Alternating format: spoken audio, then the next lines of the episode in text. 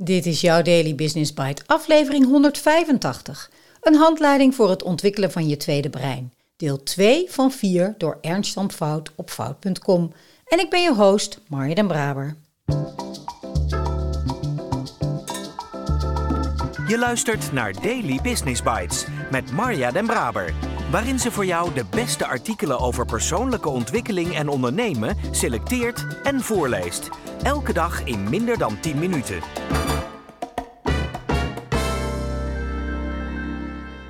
Aan de slag. Informatie verwerken volgens de vier stappen methode CODE. Forte is van de acroniemen. Met het volgende ezelsbruggetje vat hij de tweede breinmethode samen. Capture. Keep what resonates. Organize, save for actionability. Distill, find the essence. Express, show your work. Tweede brein stap 1, capture. Lees vooral het hele boek als je met een tweede brein aan de slag wilt. Maar hier heb je alvast een voorproefje, de tips die me opvielen in het capture hoofdstuk. Welke vragen wil je voor jezelf beantwoorden? Nobelprijswinnaar Richard Feynman had altijd een lijstje met open vragen boven zijn bureau hangen. Zo wist Feynman waar hij tijdens het lezen op wilde letten. Journalistiek professor Jay Rosen heeft een vergelijkbaar lijstje op zijn blog. Vragen, groot en klein, waar ik bijvoorbeeld over nadenk. Hoe leid je een waardevol leven? Hoe kan ik mijn verbeelding omzetten in realiteit? Wat is een lekker pomonderwerp? Wat is een interessante gast voor jonge jaren? Wat is mijn persoonlijke definitie van succes? Wees nauwkeurig als je notities neemt. Sla geen hele hoofdstukken van een boek op. Sla alleen geselecteerde passages op. Sla geen complete transcripties van interviews op. Bewaar een paar van de beste citaten. Sla geen hele websites op. Bewaar een paar screenshots van de meest interessante delen. De beste curatoren zijn kieskeurig over wat ze toelaten in hun collecties. En dat zou jij ook moeten zijn. Met de notitie-app kun je altijd links terug naar de oorspronkelijke inhoud opslaan als je je bronnen moet herzien of in de toekomst dieper in de details wilt duiken. Als je het al wist, verrast het je niet. De beroemde informatietheoreticus Claude Shannon, wiens ontdekkingen de weg vrijmaakten voor de moderne technologie, had een eenvoudige definitie voor informatie dat wat je verrast. Als je niet verrast bent, dan wist je het al op een bepaald niveau, dus waarom zou je er kennis van nemen? Verrassing is een uitstekende barometer voor informatie die niet netjes past in ons bestaande begrip.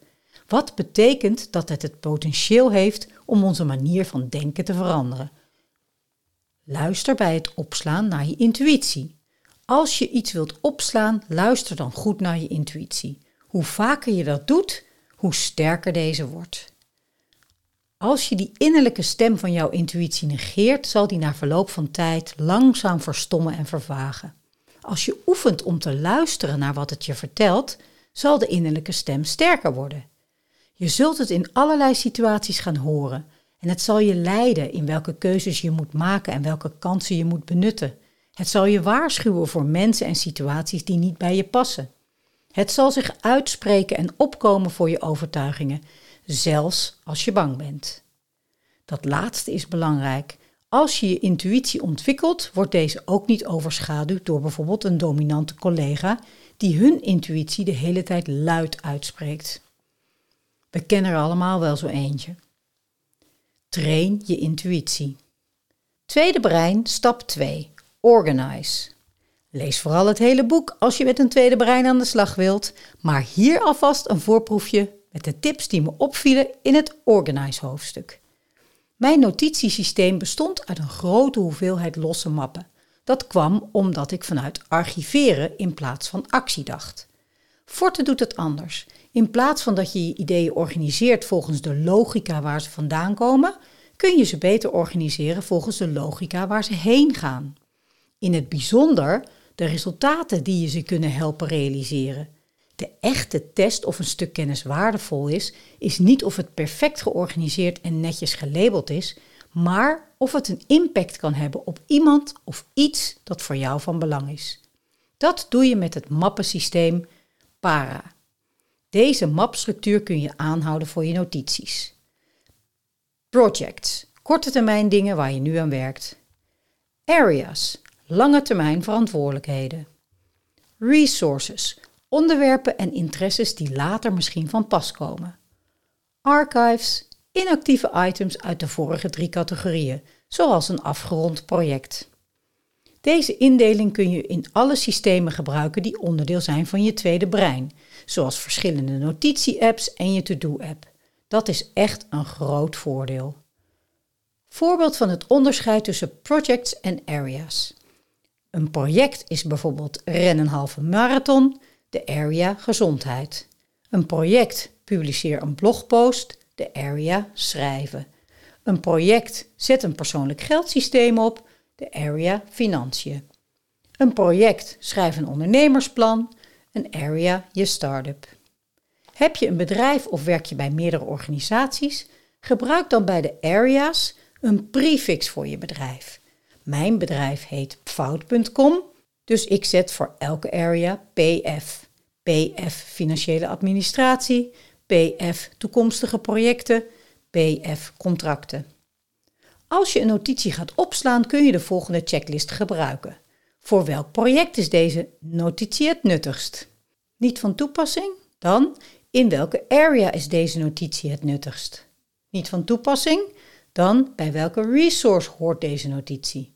Niet van toepassing? Dan zet het in de archieven. Ik kom bijna in de verleiding om al mijn notities in Evernote weer naar de inbox te verplaatsen en deze checklist per notitie te doorlopen.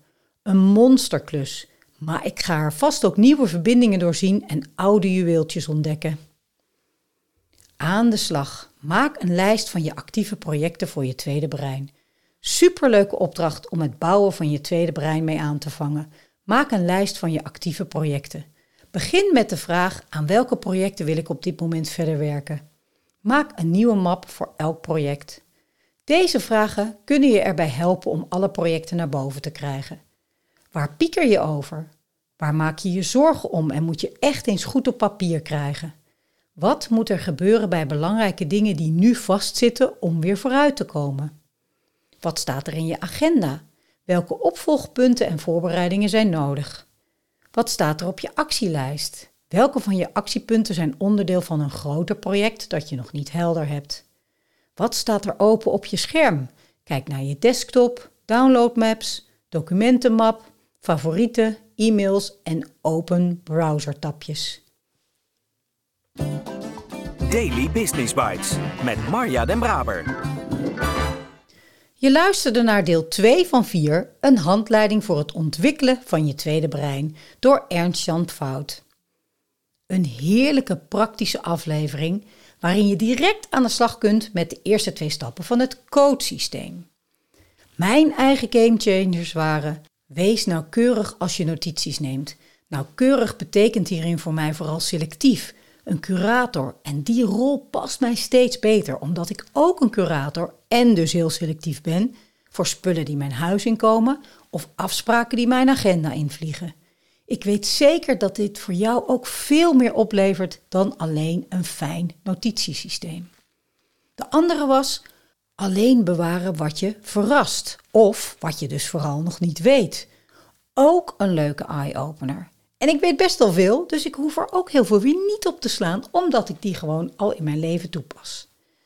Oké, lieve jij, dit waren de eerste twee delen. Ik hoop dat ik al iets van mijn enthousiasme, maar vooral mooie toekomstige resultaten aan je hebt kunnen overbrengen. Volgende week donderdag en vrijdag de delen 3 en 4. Voor nu een fijn weekend en ik spreek je graag maandag weer.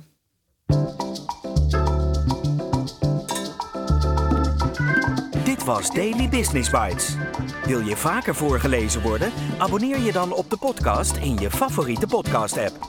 Meer weten? Klik op de links in de show notes.